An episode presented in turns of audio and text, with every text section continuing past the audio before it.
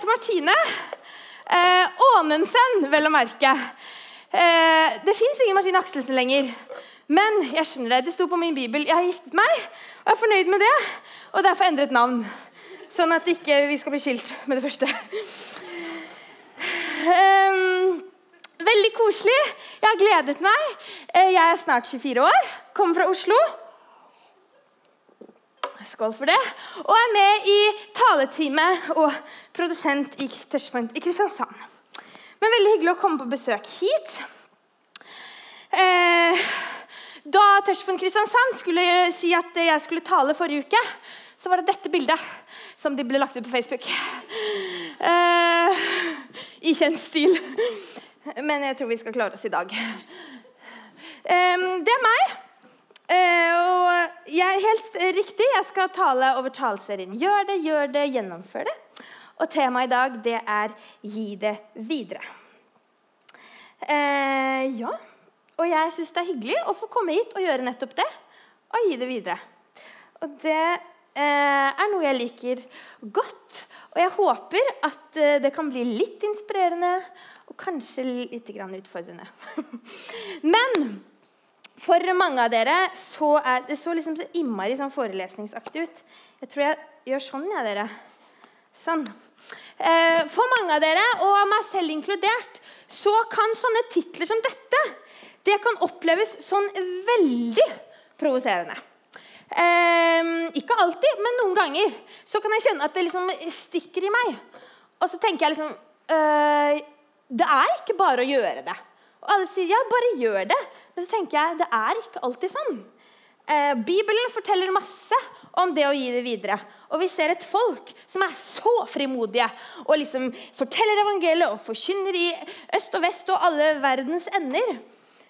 Hvert evangelie med, avsluttes med en misjonsbefaling. Eh, og det virker liksom tilsynelatende så enkelt å bare gi det videre. Men så kan det da legge seg liksom en sånn uh, byrde på oss. Eh, fordi det er kanskje ikke så enkelt. Og det kan bli en sånn anstrengelse. Eh, og vi klarer ikke bare å gjøre det og gjøre det og gjennomføre det. Og Dette toucher jo et litt sånn større tema. Ja, og, ja, og så er det jo i hvert fall vanskelig når vi ikke helt opplever at det er noen sånn avkastning av det. At ikke det kanskje helt får betydning da er det enda vanskeligere for oss å liksom skulle fortsette med dette. Og Det, ja, det toucher jo et større tema som går på tro og handling. Og Det kan liksom knyte seg i magen på oss, for oss som har litt mage. um, og da har jeg liksom måttet tenke Er det, uh, er det Bibelen som på en måte prøver å gjøre det stremsomt for meg? Eller er det jeg som kanskje liksom må justere blikket mitt litt når jeg leser Bibelen? Og Siden jeg har stor tro på Gud, så er alternativet det siste. Um, at det er jeg som kanskje må tenke litt nytt om hva Bibelen ønsker å si om det som handler om tro og handling. Um, og det å gi det videre det er et helt sånn grunnleggende konsept i vår verden for å få verden til å fungere. Og min mor hun driver med slektsforskning. Og Da ser hun jo på en måte på ting som er gått i arv, altså ting som er gitt videre. Så det skjer liksom veldig naturlig. Og vet du hva vi har fått i vår familie? Vi har fått den beryktede Jølstadnesen, eh, som er stor og storbol, og så ganske flat og brei. Eh, ja, Som alle ting man kan gi videre, så gir man videre en sånn nese. Eh, men i hvert fall, Og så gir man videre litt sånn oppdragelse. F.eks. idretten kan man lære videre. Kunnskap blir jo vi lært av de, av de, foreleserne vi har. Mange av dere skal kanskje bli lærere og gi det videre. Eller politikk, f.eks. Mm, ja. Og vi sitter alle med en eller annen opplevelse av at vi har blitt gitt videre av noen til oss. Og Det er et ordtak som sier å stå på kjempenes skuldre. Vi lever på det andre har gjort og gitt videre til oss. Og Grunnen til at vi sitter her, er fordi historien om Jesus er blitt gitt videre i mangfoldige år. Vet ikke om noen av dere har sett filmen 'Pay it forward', men det er jo en tittel som er liksom helt på dette. Gi det videre. Og Den er gammel, og første gang jeg så den, så berørte den meg skikkelig. Og siden har jeg ikke sett den, fordi den er så rørende at jeg klarer ikke å se skjermen til slutt. Det er rett og slett bare slitsomt for meg. Eh, men dere skal få lov til å se et klipp om dette konseptet som denne gutten utvikler. Får vi det til? What's paying it forward? That's me. That's me. And that's three people. And I'm going to help them. But it has to be something really big. Something they can't do by themselves. So I do it for them. Then they do it for three other people. That's nine. And I do three more. That's 27, so I, I'm not really good at math, but it gets big really fast, you know?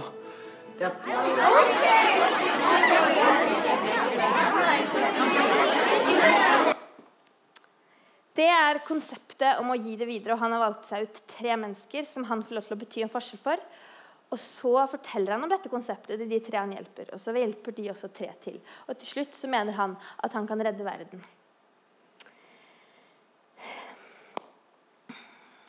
Og hva er, det, hva er det vi har som vi kan gi videre, som vi mener kan forandre verden? Og Det er nok mange som har meninger om dette, sånn som meg. Og jeg velger bare å si noe om det, så kan dere få utforske resten av temaet. Men med det jeg sier, så er ikke alt sagt. Det er bare viktig for meg å poengtere. Men jeg håper at det jeg sier, kan bli litt sånn hvilende for dere, men også inspirerende. Og Teksten for i dag det er vår herlige misjonsbefaling i Matteus 28, Eh, ja, som jeg har ikke orket å fjerne hvite, men det var veldig slapt. Da Jeg må jo lese fra denne, da, siden jeg har den med meg. så. Da Ja. Jeg må bare liksom eh, Ja. Da trådte Jesus fram og talte til dem. Jeg har fått all makt i himmelen og på jorden. Gå derfor og gjør alle folkeslag til disipler. Døp dem til Faderens og Sønnens og Den hellige ånds navn, og lær dem å holde alt det jeg har befalt dere. Og se, jeg er med dere alle dager inntil verdens ende. Dette er det siste som blir sagt i Matteusevangeliet, og som Jesus forteller til sine disipler. Og Den er kanskje sånn provoserende tydelig, og den har så mange sånne der, lær, vær, gå-ord. Men jeg påstår da, inn i denne talen her, at vi kanskje ofte bare ser liksom handlingen i den. Vi ser ikke helt Jesu baktanke med den teksten, men vi ser bare det som er liksom gjøre og handling, og det som kan gi resultater. Men jeg tror det ligger noe mer bak her. Og I denne teksten så er det en tydelig inndeling. Vi har makterklæringen. og skal være med litt sånn teologisk crash course her. Kors, kurs. Eh, eh, oppdrag og løfte. Og eh, ja Og før denne teksten i Matteus så kan vi lese om på en måte Jesu lidelseshistorie. Og der har han jo bare alt annet enn full av makt. Der blir han herset med av mennesker. Han blir slått, han blir piska. Ja, han blir ført helt til døden. Der er Gud helt maktesløs. Og det er liksom hans avmakt som blir tegnet for oss. Og disiplene får sjokk når døden, som liksom er det ultimate symbolet på at det onde regjerer i verden, Disiplene får sjokk når døden tar Jesus, og han på en måte følger den veien. Men så skjer det utrolige.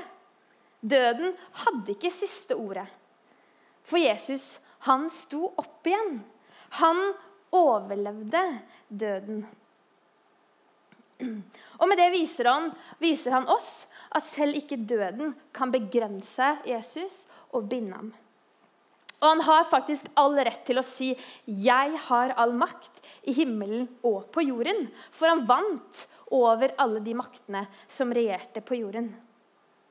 Men den makten han overvant med, nei, det var ikke krig eller sverd eller skjold eller ondskap. Nei, det var kjærlighet.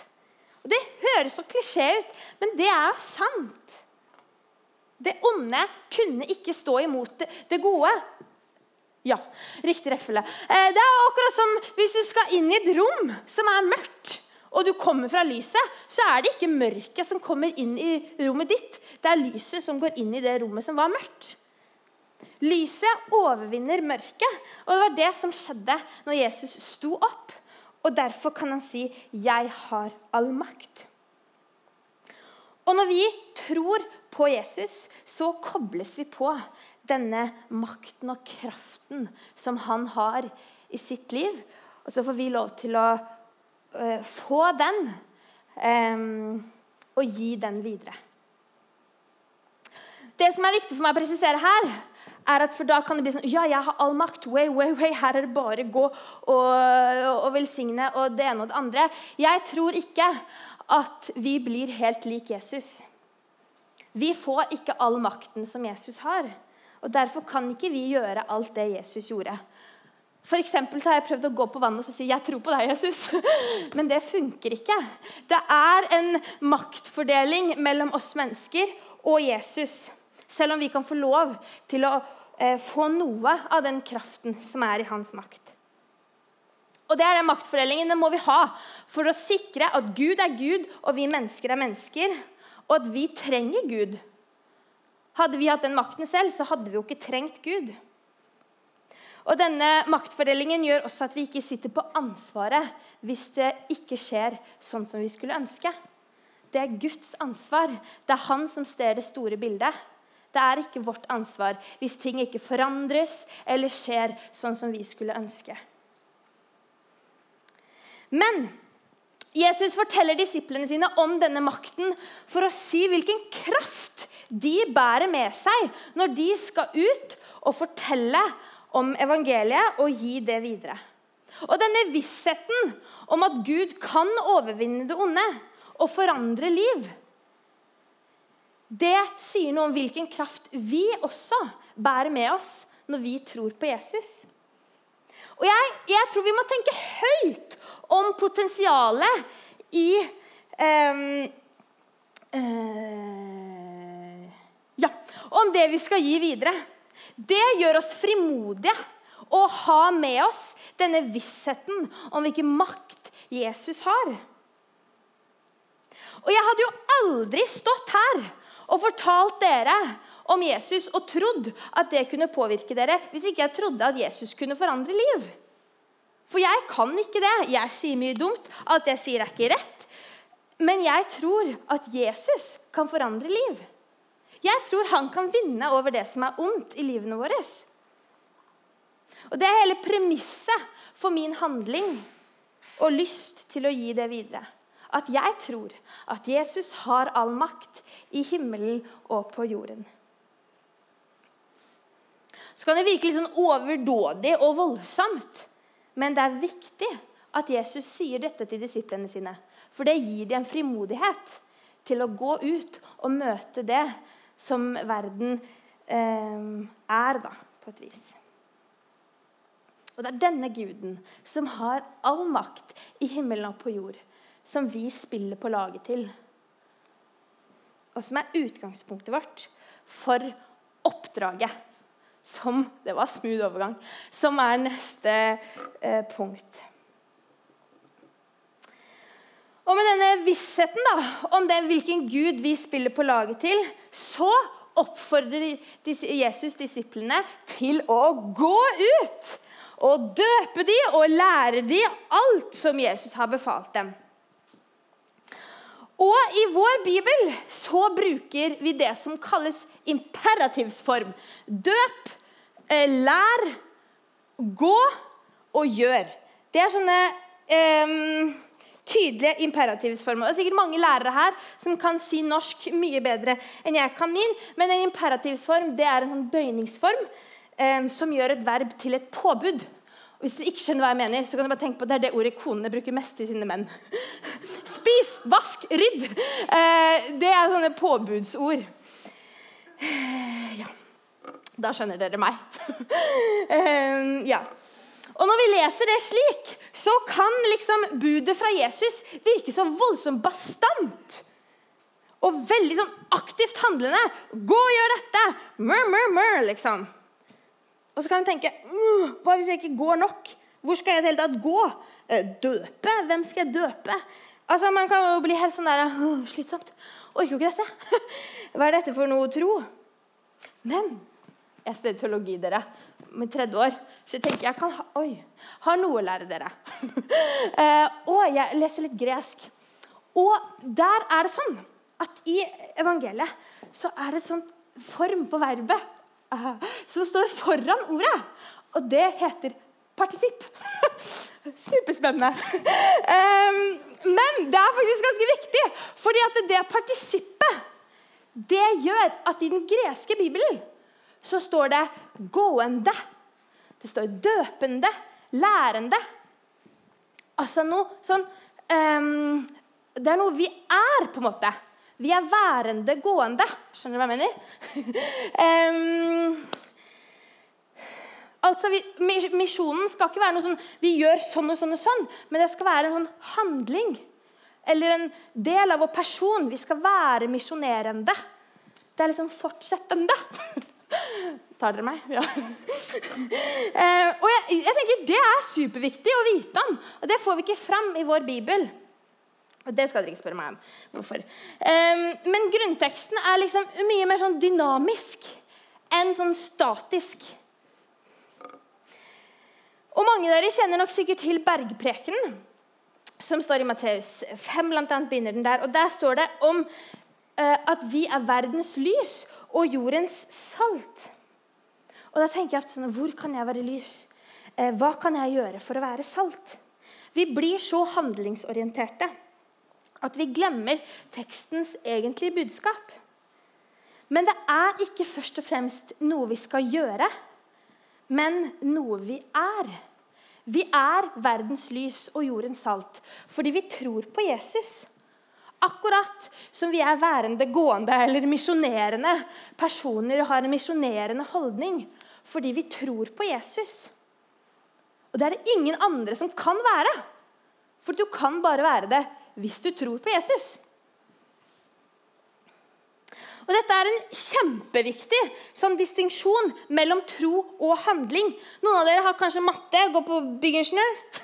um, og Der lærer man i matte at faktorenes orden er likegyldig, men her er det ikke likegyldig. Og det er kjempeviktig. Det er ikke likegyldig hva som kommer først av tro og handling. Bibelen har alltid indikativ, altså kjennetegn på vår identitet, hva vi er i Kristus, før den sier noe om hva vi skal gjøre. Og vi glemmer det, dere. Og jeg glemmer det. Og vi kan ikke skylde på Bibelen for at vi opplever troen som strevsom alltid. Nei, jeg tror det er vi som er for sånn resultatorienterte når vi leser vår bibel. Bibelen minner oss på at det er ut fra hva vi er, at det kommer en handling. Ikke motsatt. Faktorenes orden, orden er ikke likegyldig. Eksempel er liksom, jeg vet ikke om dere har tenkt på det, men politisk standpunkt. Der er det sånn at uh, mange velger ut politisk eller mange i disse politiske tider, så har man et politisk standpunkt, og så påvirker det standpunktet det påvirker handlingene dine. Det er ikke sånn at du nødvendigvis først gjør en ting, og så påvirker det standpunktet ditt. Nei, du har et standpunkt, og så handler du ut ifra det. Men med en gang det kommer til religion, så blir det sånn Hvordan skal jeg forholde meg til tro, handling? Men det vi står for, det vi er, og det vi eh, Vissheten om hva vi er, Det må påvirke handlingene våre, og ikke omvendt. Jeg tror ikke vi alltid skal tenke liksom, hva skal jeg gjøre, hvor skal jeg gå? Men heller hva er det som forurenser min identitet som en misjonerende person? Da tror jeg handling vil følge naturlig derfra. Handling er det mange som kan gjøre, som ikke er kristne òg.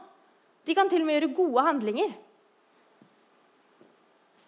Men å være et annerledes folk, å ha en misjonerende person Nei, det kan bare vi være som bærer med oss troen på Jesus. Troen på Han som har all makt i himmelen og på jorden. Og Det er det som gjør oss annerledes som mennesker. Og det er det jeg mener vi skal gi videre. Det er ikke først og fremst handlingen, men det er den identiteten som vi bærer med oss. Og det som gjør oss annerledes, det er troen på evangeliet. Og evangeliet er ikke først og fremst en sånn etisk og moralsk bok. Men det er en sannhet, beskriver en sannhet om hva mennesket er. Og det er den sannheten vi skal gi videre. Og den kan ikke først og fremst gjøres.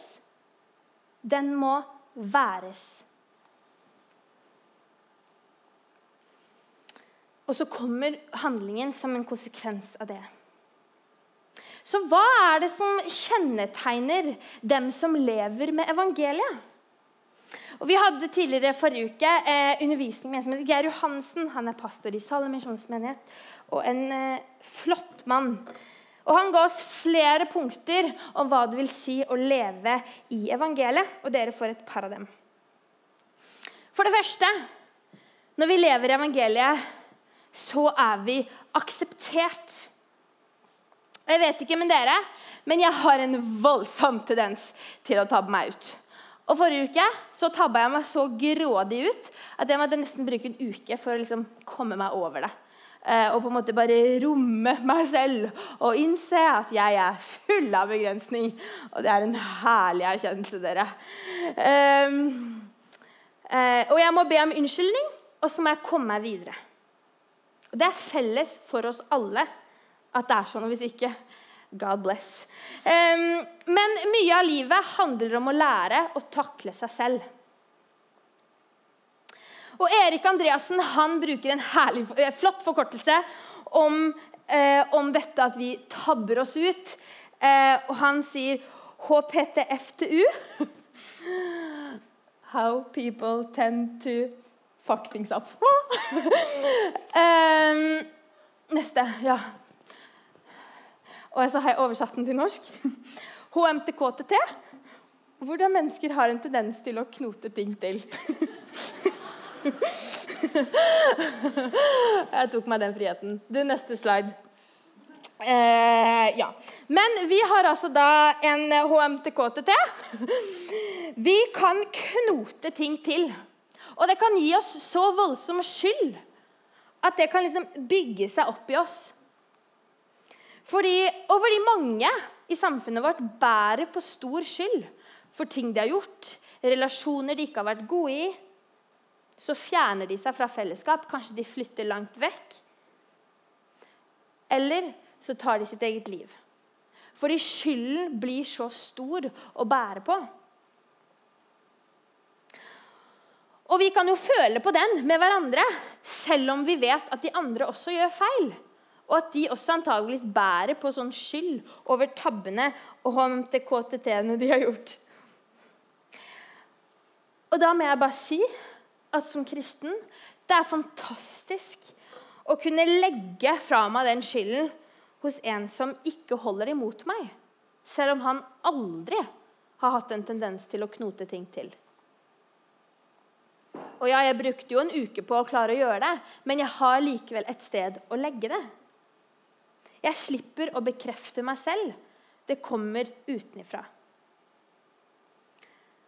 Og selv om det er han som på en måte er den som er helt syndfri, så er det han som først klarer å tilgi meg. Jeg kan ikke alltid kjenne på den tilgivelsen sånn inderlig, men jeg kan lese Bibelen, og så har jeg en visshet om at han tilgir meg og kan ta vekk den skylden. Det er litt som et sånn tomt Pepsi-glass, selv om det er veldig beklagelig. Eh, men la oss si at et eh, Pepsi-glass fyller seg jo eh, Pepsien er nå et bilde på min skyld, for å ta et banalt bilde. Siden jeg er så veldig glad i Pepsi. At det er min skyld. Og jo mer tabber jeg gjør, på en måte, så fyller jo det glasset seg opp. Men når jeg tror på Jesus, så kan jeg legge det hos han. Og så klarer han på en eller annen merkelig måte å si til meg Det er tomt, det, Martine. Søren. Neida. Men det er tomt hver dag, det glasset. Og det er veldig befriende. Så må jeg på en måte bruke noen dager på å takle det, men jeg vet at det finnes en som tar all min skyld. Og vi blir fri fra synden som skyld, og vi er akseptert som mennesker. Og Gud tåler oss. Det finnes en som aksepterer meg. Alt med meg. Og jeg ser for meg, liksom, jeg ser det, så ser jeg for meg Husker dere liksom da vi var barn, og du kunne fått en ballong inni en annen ballong? Av sånne ballongmestere. Jeg vet ikke om de har noen tittel. Men, eh, men jeg ser for meg at jeg er den ballongen inni, og jo mer liksom, jeg trenger tilgivelse, og den inni blåser seg opp, så er Gud på en måte den ballongen som bare blåser seg opp rundt meg. Og den, den her sprekker aldri. um, at den, liksom, den bare følger meg hele tiden. Den rommer meg hele tiden. Det er ingenting som på en måte er for smått for Gud, og som gjør at han ikke kan akseptere meg. Og det gjør at jeg også er fri. Jeg har muligheten til å legge fra meg det jeg har gjort galt. Jeg kan be om tilgivelse til de menneskene jeg gjorde det med. Og så kan jeg be om tilgivelse til Gud. Og så er jeg akseptert, og så er jeg fri. Det trenger ikke å henge over meg eller binde meg fast. Og aksept det er ikke alltid enkelt. Og vi blir oppvokst med å tenke at vi skal akseptere menneskene rundt oss. Og Det er jo én ting. Det kan vi på en måte øve oss på. Og det er en handling som veldig mange i verden får til, og som kan gjøre. Men å leve som at jeg selv er akseptert. Det mener jeg at det er bare vi kristne som kan.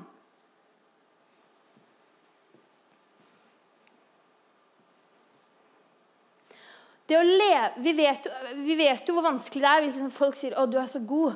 Så, ja, greit, liksom. Og så blir det der. Derfor er det vanskelig å leve i den vissheten om at vi er akseptert. Men det er det som gjør oss til et annerledes folk. Og det er den sannheten jeg mener vi skal gi videre. Mange kan akseptere, men det er ikke alle som kan leve som om de aksepterer seg selv. Og det tenker jeg er en av de store sannhetene som vi kan få lov til å gi videre, og som vi må være før vi gjør. Så er det en annen sannhet, og det er at eh, vi er ikke alene. Som kristne så tror vi at når vi tror på Jesus, så flytter Den hellige ånd inn i oss på et eller annet merkelig vis. Og Hvis noen kan forklare det til meg, så kom og prøv. Um, men den flytter inn i oss. Og For meg er ikke det alltid en sånn følelse, men det er en visshet om at det skjer. For jeg tror på det Bibelen skriver. Og det hjelper meg til å handle sånn som Jesus ønsker for livet mitt. Det gir meg en samvittighet over hva som er godt og hva som er ondt. Og det gir meg trøst. Og tenk så mange som sitter alene hjemme og opplever seg som ensomme. Det er én ting. Men tenk så mange som har masse folk rundt seg, som likevel opplever seg alene i sine egne liv. Og det var en student, sånn studentrapport på en måte som kom nå i høst, som viser at en tredjedel, en tredjedel av alle studenter er ensomme. Og det var ikke fordi de ikke hadde så mange venner. Nei, men De var bare liksom ensomme i livet. De opplevde seg alene i sitt eget liv. Å leve i evangeliet betyr ikke å akseptere at man ikke trenger noe sosialt liv, for det tror jeg vi gjør. Men det er å ha en visshet om at vi alltid har en å venne oss til. Og tenk så mange som trenger det budskapet. Jeg har alltid en å venne meg til. Og det, det, er noen som vil ha relasjon til meg, som aksepterer meg, og som gjør at jeg trenger ikke å føle meg alene i mitt eget liv.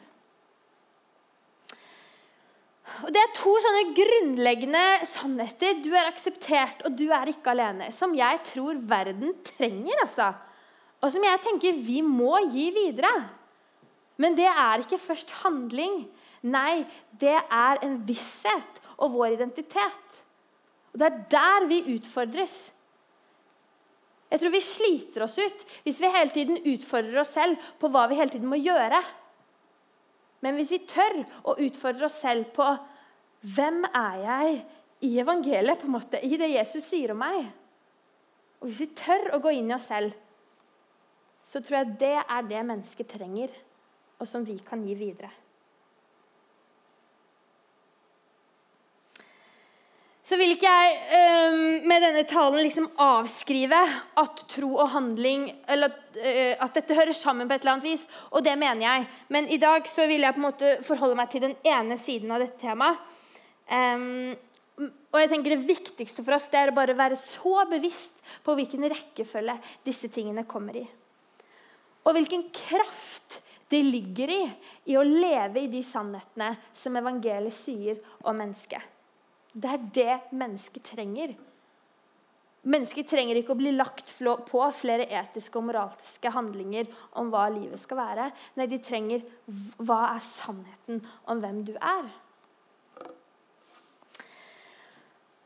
Og så det siste punktet i teksten vår, om løftet som Jesus sier. For jeg kan si dette. Det kan høres flott og fint ut, og dere kan tenke at det er helt greit. Så våkner dere i morgen og så Hva var det Martine sa? Eh, hverdagen begynner, eller hverdagen tar oss. Og det å være et annerledes folk, det kan av og til oppleves som vanskelig. Det er ikke alltid så lett. Og det høres kanskje fint ut, men det er ikke alltid så enkelt. Og Mange ganger så er det nesten bare sånn lettere å gjøre gode moralske og fine handlinger, så bli litt sliten, og så legge seg litt, og så ta en måned, tre sykemeldinger, og så på en igjen. Inn i menigheten. Men jeg tror ikke det er den beste løsningen. Og jeg tror ikke det er det mennesket vil ha. For da ser de at vi også, vi er slitne. Og Jesus han visste dette om disiplene sine. At det han sa til dem, og det oppdraget han sendte dem ut i, det kom til å bli vanskelig.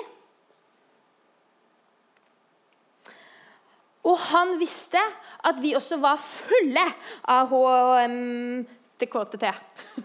Eh, vi kom til å knote dette til og gjøre det vanskelig for oss. Og derfor avslutter Jesus på den mest sjelesørgiske måten av de alle. Og så sier han, 'Ja, gjør dette. Gi det videre, og lev i mitt ord.' Men husk likevel at jeg er med dere alle dager inntil verdens ende. Og for et fantastisk løfte. Jesus han har tro på oss. Han sender oss ut fordi han har tillit til at vi kan være hans armer og bein her ute i verden. Selv med all vår begrensning. Men så lover han i den prosessen, han som har all makt i himmelen og på jord. Å være nær. Å være der sammen med oss. Og så må vi huske at det er han som har all makten, som har det siste ansvaret for hva som blir sådd, nei, for hva, hva som gror, og hva som ikke gror. Skal han være med oss helt til han kommer igjen, og vi kan få hvile, og han kan ta resten. Og dette løftet det viser tilbake til Jeg vet ikke om dere har eh, tenkt over det i juleevangeliet, men der blir Jesus gitt et ord i starten av Matteus som er Immanuel. Og Immanuel betyr Gud med oss. Så Jesus starter hele evangeliet med å si før jeg lærer dere noe, før jeg sier dere noe, så skal jeg bare si noe, mennesker. Jeg er med dere. Gud er med dere. Og så lever han tre år på jorda, viser, viser disiplene masse, forteller de masse. Og så avslutter han med å si Og husk, jeg er med dere. Alle dager inn til verdens ende. Og det kan vi finne hvile i. Så gi det videre. Jeg tenker at det ikke først og fremst er noe vi skal gjøre, men det er noe vi skal fortsette å være gjennom troen på Jesus.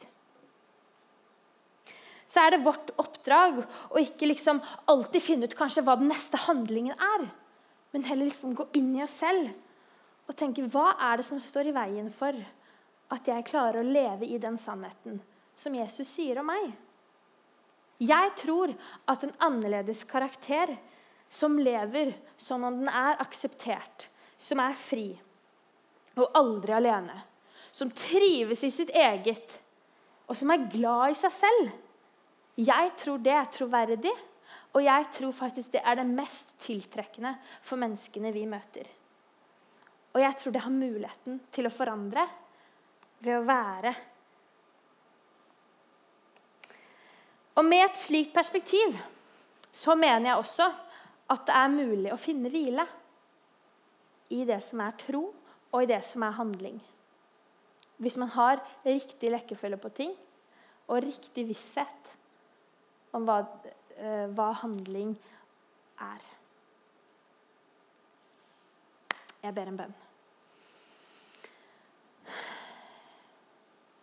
Kjære himmelske Far. Tusen takk for at du er her når vi samles. Takker deg for at vi kan midt i vår hverdag, med våre liv, med alt det vi er, med alt det vi bærer med oss. Takk for at vi kan komme her, så kan vi rette blikket mot deg og lære mer om hvem du er, Herre. Så takker jeg deg for ditt ord. Takk for alt som står der, så vi kan finne hvile og trøst i, Herre. Og jeg ber om at du hjelper oss til å liksom ta det til oss. Hjelp oss til å leve i det du sier at vi er. Vi er elsket, vi er akseptert. Men det er så vanskelig å tro på av og til. Men vi ber om hjelp til det. For vi tror at det er det som kan forandre menneskene rundt oss. De ser at vi har noe som de ikke har som de har lyst på, Herre. Og hjelp oss til å gi evangeliet videre ved å selv leve i evangeliet. Hm. Og så takker vi deg for at det er du som har det siste ordet. Det er du som har makten, det er du som sitter med ansvaret. Og så kan vi bare være her og bidra og tjene deg med livet vårt. Og så takker vi deg for at du er med oss i alle dager inntil verdens ende. Så ser du Jesus, alle de som sitter her med livene sine. Og dette budskapet det når inn på helt ulike måter. Men jeg ber om at eh, ja, du bevarer det som er ditt ord i det, og fjerner det som er mine, Herre. Og så ser du de, du ser de i hverdagene sine. Du ser det som er sårt, du ser det som er godt, det de kan glede seg over det de er skuffet over. Du ser alle lengslene våre. Takk for at vi kan få lov til å gi alt til deg. Og så har du plass til alt. Mm. Så ber jeg deg her for Touchpoint Grimstad, Herre. Takker deg for det arbeidet som drives. Takker deg for at du holder det i din hånd. Jeg ber om at du sender mennesker hit. Og jeg ber om at du sender oss ut med en lyst til å gi det videre og vise hvem du er. Takk for den gode guden du er, Herre. Velsigne oss og vær med oss. I Jesu navn. Amen.